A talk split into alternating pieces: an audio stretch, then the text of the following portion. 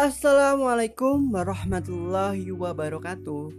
Teman-teman, jadi sesuai dengan requestan kalian Dan banyak juga yang menanyakan sama gua Tentang bagaimana proses gua bisa ketemu sama istri Dan gimana ceritanya dan sebagainya.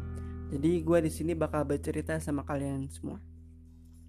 Tapi teman-teman, sebelum gua bercerita, gue mau informasikan sama kalian semua kalau gue bercerita uh, ini bertujuan untuk siapa tahu dari cerita gue atau pengalaman gue ini bisa menginspirasi atau memotivasi teman-teman semua.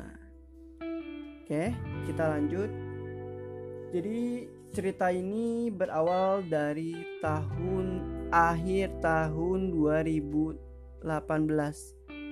Nah, di akhir tahun 2018 itu awal mula gue berhijrah menjadi lebih baik. Tuh. Nah saat itu gue mencoba untuk menjadi lebih baik lebih dekat dengan Allah. Namun saat itu gue merasakan kekecewaan yang begitu pedih begitu kecewa. Kenapa karena saat itu gue mendapatkan kabar bahwa orang wanita yang gue harapkan wanita yang gue inginkan akan melangsungkan pernikahan dengan orang lain. Semua ini berawal dari rasa kecewa. Lalu gue berdoa sama Allah ya Allah kalau memang engkau menjodohkan eh, jika kalau memang uh, aku diridoi untuk menikah muda maka pertemukanlah aku dengan jodoh pilihanmu karena engkau maha luas dan maha mengetahui. Itu doa selalu gue panjatkan di setiap selesai sholat di setiap saat. Nah teman-teman setelah gue merasakan kekecewaan akhirnya gue sekitar bulan April eh enggak. Uh, setelah gue merasakan kekecewaan di akhir tahun akhirnya gue bangkit. Di awal tahun 2019 gue bangkit. Gue uh, mencoba untuk bergaul sama teman-teman soleh sama teman-teman uh, apa ya yang bisa membawa gue lebih menjadi lebih baik. Sampai akhirnya gue memutuskan untuk benar-benar hijrah. Benar-benar apa ya merubah ini gue lah. Pola hidup gue lah di gue rubah semuanya gue berteman dengan orang-orang soleh gue ikut kajian terus uh, eh, gue ikut komunitas-komunitas yang membuat gue lebih menjadi lebih baik gitu loh. Bisa lebih dekat dengan Allah lagi. Nah namun sekitar bulan April 2019 gue merasakan kembali kekecewaan itu gitu loh. Gue kembali merasakan kepedihan karena orang yang sempat dekat dengan gue dan gue ajak uh, menikah dan lamaran gue ditolak gitu loh. Saat itu gue nggak nggak nggak nggak terlalu kecewa banget gitu loh sama kejadian ini. Karena kenapa?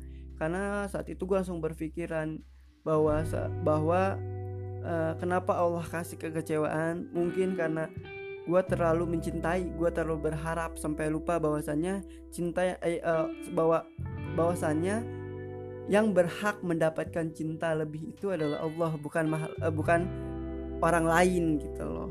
Akhirnya di situ gue berdoa lagi sama Allah ya Allah kalau memang ini belum jodohku maka temukanlah aku dengan jodoh pilihanmu. Tanpa harus aku cari engkau temukan karena engkau maha luas dan maha uh, mengetahui yang terbaik untuk hambanya. Doa itu gue panjatkan kembali sampai akhirnya gue coba iseng-iseng nih teman-teman. Gue coba iseng-iseng uh, untuk daftar ta'aruf online. Karena kan saat itu uh, ta'aruf itu lagi ini banget ya lagi penting banget gitu loh. Yang di kalangan teman gue ya saat itu ya.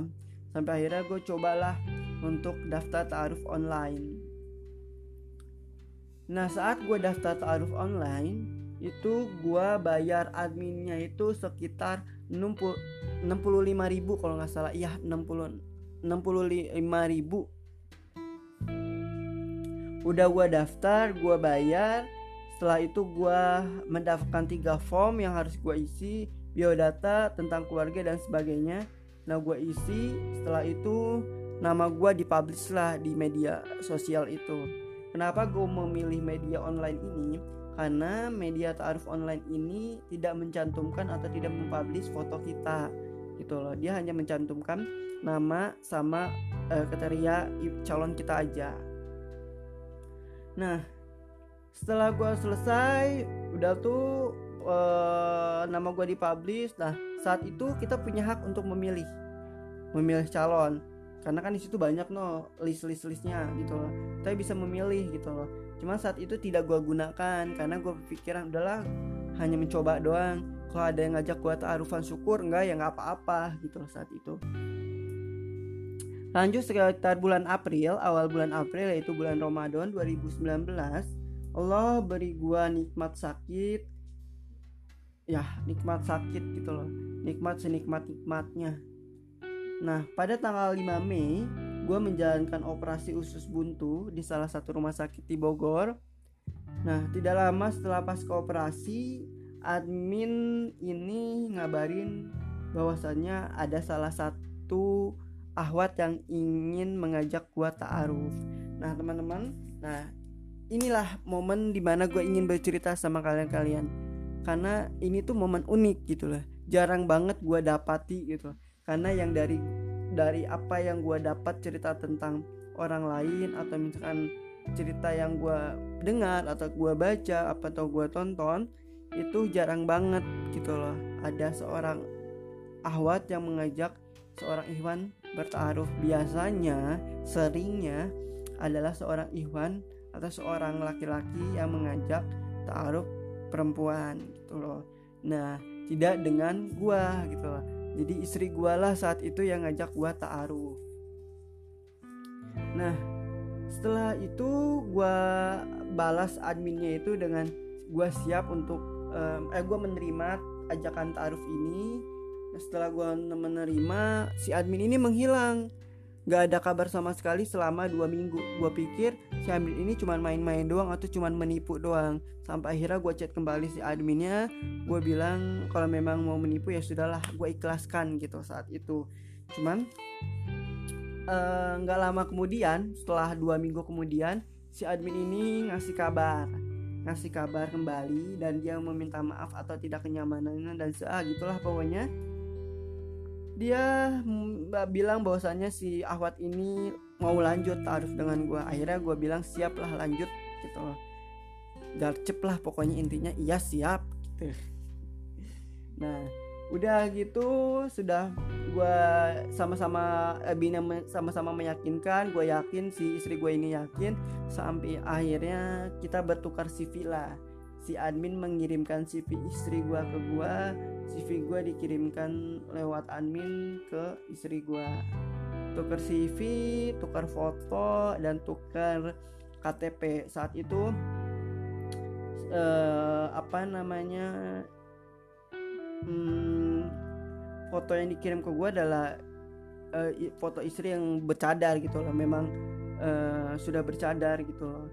Dan gue nggak mempermasalahan itu gitu loh maksudnya. Ya memang itu kan satu salah satu kriteria gue gitu loh saat itu. Nah udah begitu sudah tukeran akhirnya sama-sama yakin dengan isi CV dengan isi form sama-sama yakin akhirnya kita dibuatkanlah grup grup WA nah satu grup itu isinya tiga orang. Gua saat itu pendamping sama calon istri gua ini. Nah udah itu udah dibuatkan grup. Di situlah saatnya kita saling bertanya gitu loh. Gue tanya sama dia sama istri gue ini istri gue nanya sama gue nah teman-teman ada satu momen di mana gue bertanya sama si istri gue ini yang membuat akhirnya gue yakin dengan istri gue ini. Pertanyaannya sebenarnya simple cuman kenapa gue pertanyakan ini? Karena uh, semua orang memiliki impian termasuk impian pernikahan. Dan biasanya wanita memiliki impian pernikahan yang istilahnya yang pengen yang megah lah, pengen inilah, pengen itu, pengen beginilah, pengen begitulah dan sebagainya. Makanya gue tanyakanlah sama istri gue ini. Akhirnya gue ajukanlah pertanyaan.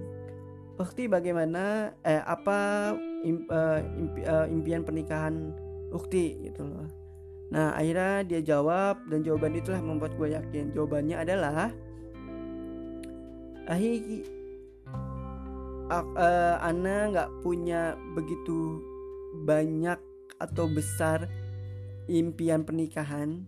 Hanya Ana hanya ingin menikah sah secara agama secara negara. Kalau perlu akad di kantor KUA supaya gratis di jam kerja dan walimah sederhana atau syukuran keluarga aja. Saat itu gue membaca jawaban dari dia tuh langsung ya Allah.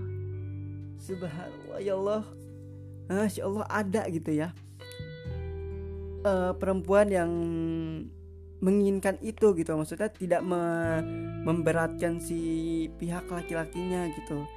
Ya Allah saat itu gue langsung oh ya gue yakin. Cuman dalam hati gue belum yakin sebenar-benar yakin yakinnya gitu. Masih ada mengganjal sampai akhirnya gue minta pertolongan Allah lah gue minta petunjuk Allah lah. Saat itu gue berdoa minta uh, kalau memang istri gue ini yang terbaik maka mudahkanlah segalanya. Gitu loh. Udah gitu sudah apa namanya sudah sudah saling tukar pertanyaan sudah sudah sama yakin sampai akhirnya gue uh, sampaikan ke si istri gue ini. Um, kalau memang uh, belum yakin cobalah gitu loh. Cobalah uh, minta pertolongan Allah gitu loh. Kita sama-sama gak usah komunikasi dulu gitu loh. Kita komunikasi dulu sama Allah. Kita mohon pertolongannya Allah. Kita minta petunjuknya Allah. Saat itu uh, gue ngas uh, kurang lebih dua eh seminggu lebih kita nggak komunikasi sampai akhirnya gue komunikasi gue bilang sama dia di grup itu gue bilang gue yakin untuk uh, lanjut ke tahap selanjutnya gitu loh.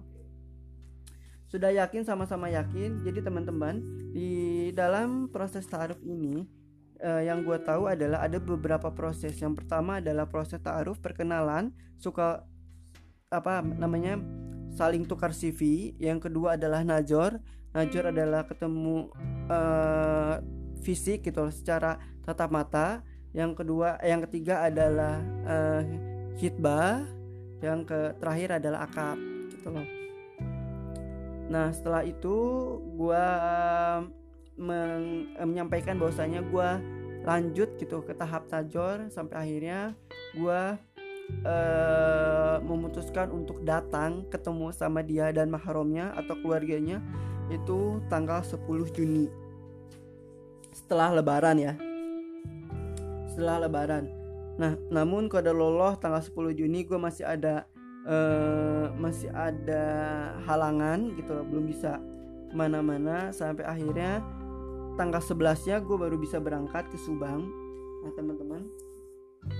Jadi gini uh, apa namanya di saat Allah kasih kita uh, kenikmatan ketika Allah kasih kita kebahagiaan tapi akan Allah uji juga kebahagiaan itu akan Allah uji juga kenikmatan itu.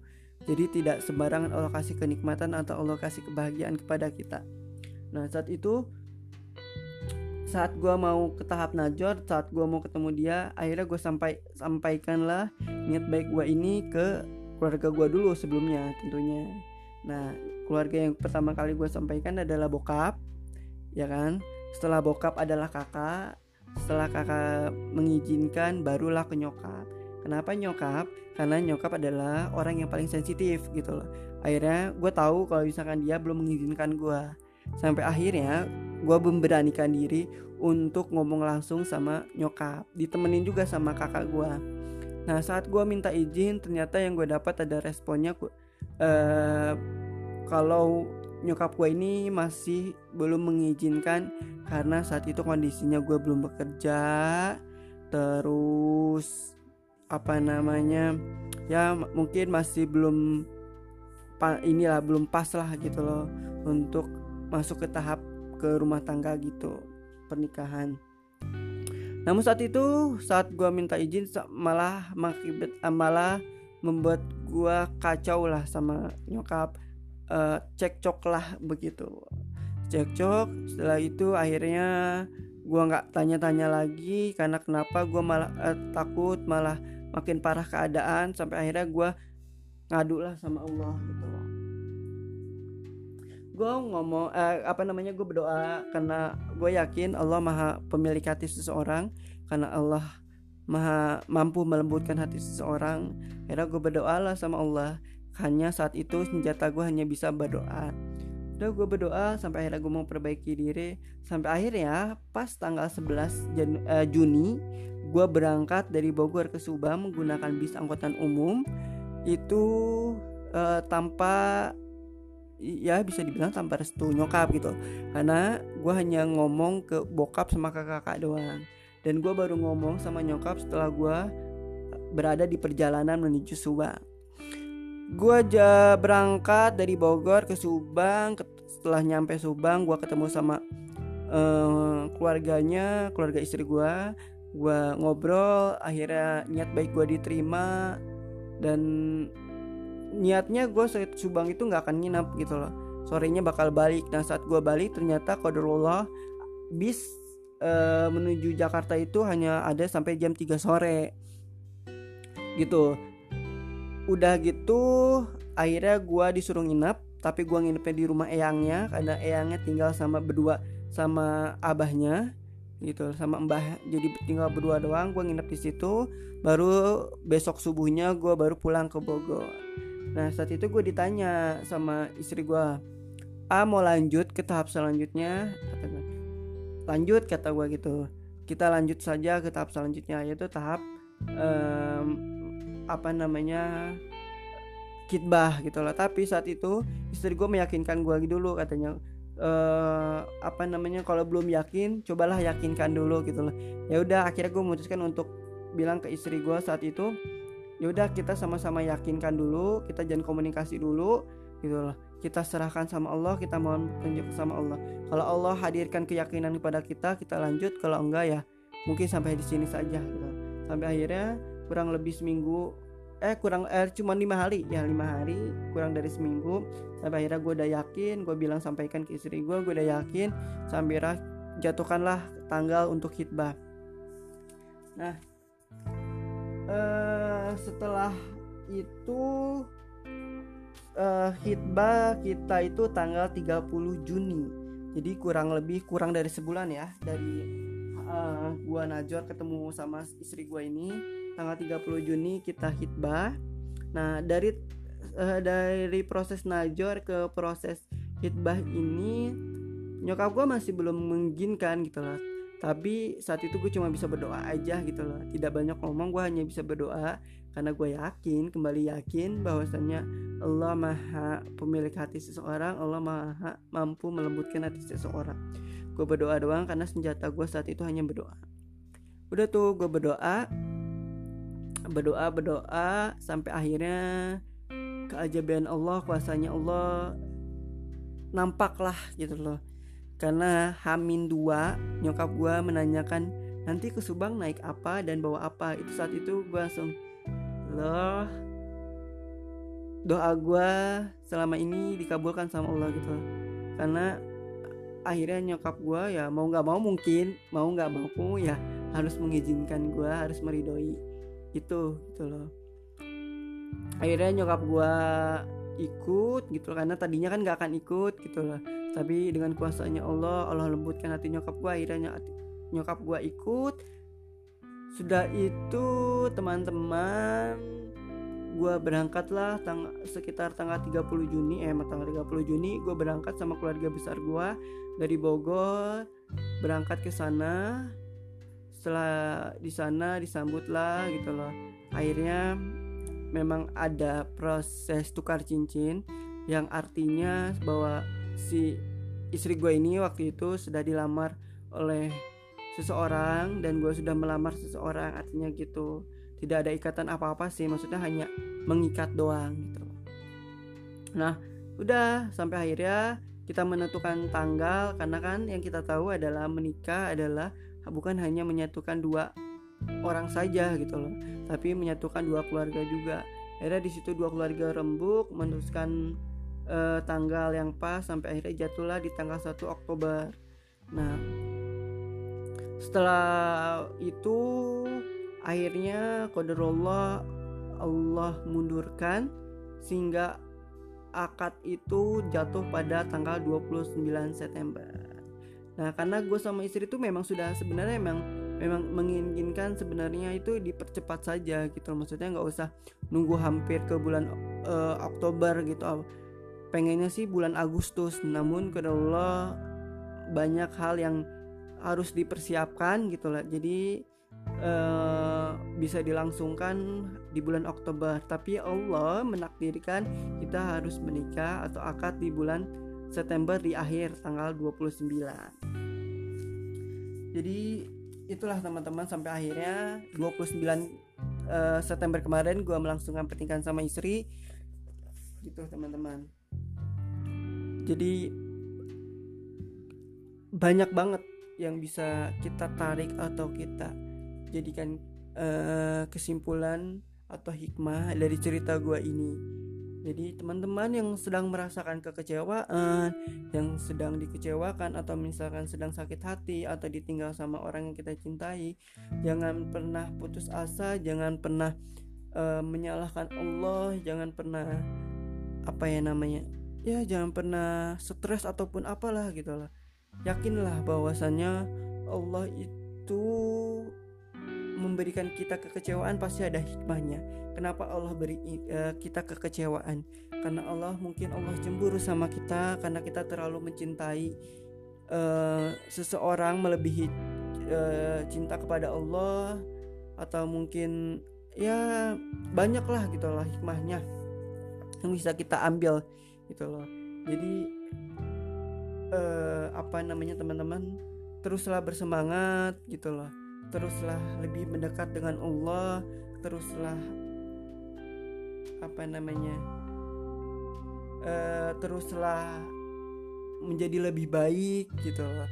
Yakinlah setelah kekecewaan pasti akan ada kebahagiaan. Di saat uh, setelah kehilangan pasti akan mendapatkan yang lebih baik gitu karena Allah ambil sesuatu dari kita pasti Allah akan beri sesuatu yang lebih baik dari yang Allah ambil itu. Gitu teman-teman. Jadi itulah proses bagaimana gue bisa bertemu sama uh, istri. Semua ini tak terduga semua ini tak diharapkan tapi Allah sudah takdirkan. Kita hanya bisa menjalankan loh teman-teman memiliki impian pasti punya impian loh tapi ketika impian teman-teman tidak uh, berjalan dengan lancar atau tidak sesuai dengan harapan jangan pernah menyalahkan Allah.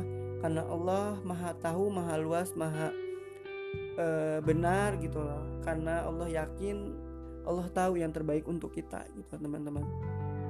Jadi teruslah yakin dan percaya akan ada kebahagiaan setelah kekecewaan. Mungkin itu aja yang bisa gue sampaikan. Uh, kita ketemu di podcast selanjutnya Barakallahu fikum. Wassalamualaikum warahmatullahi wabarakatuh.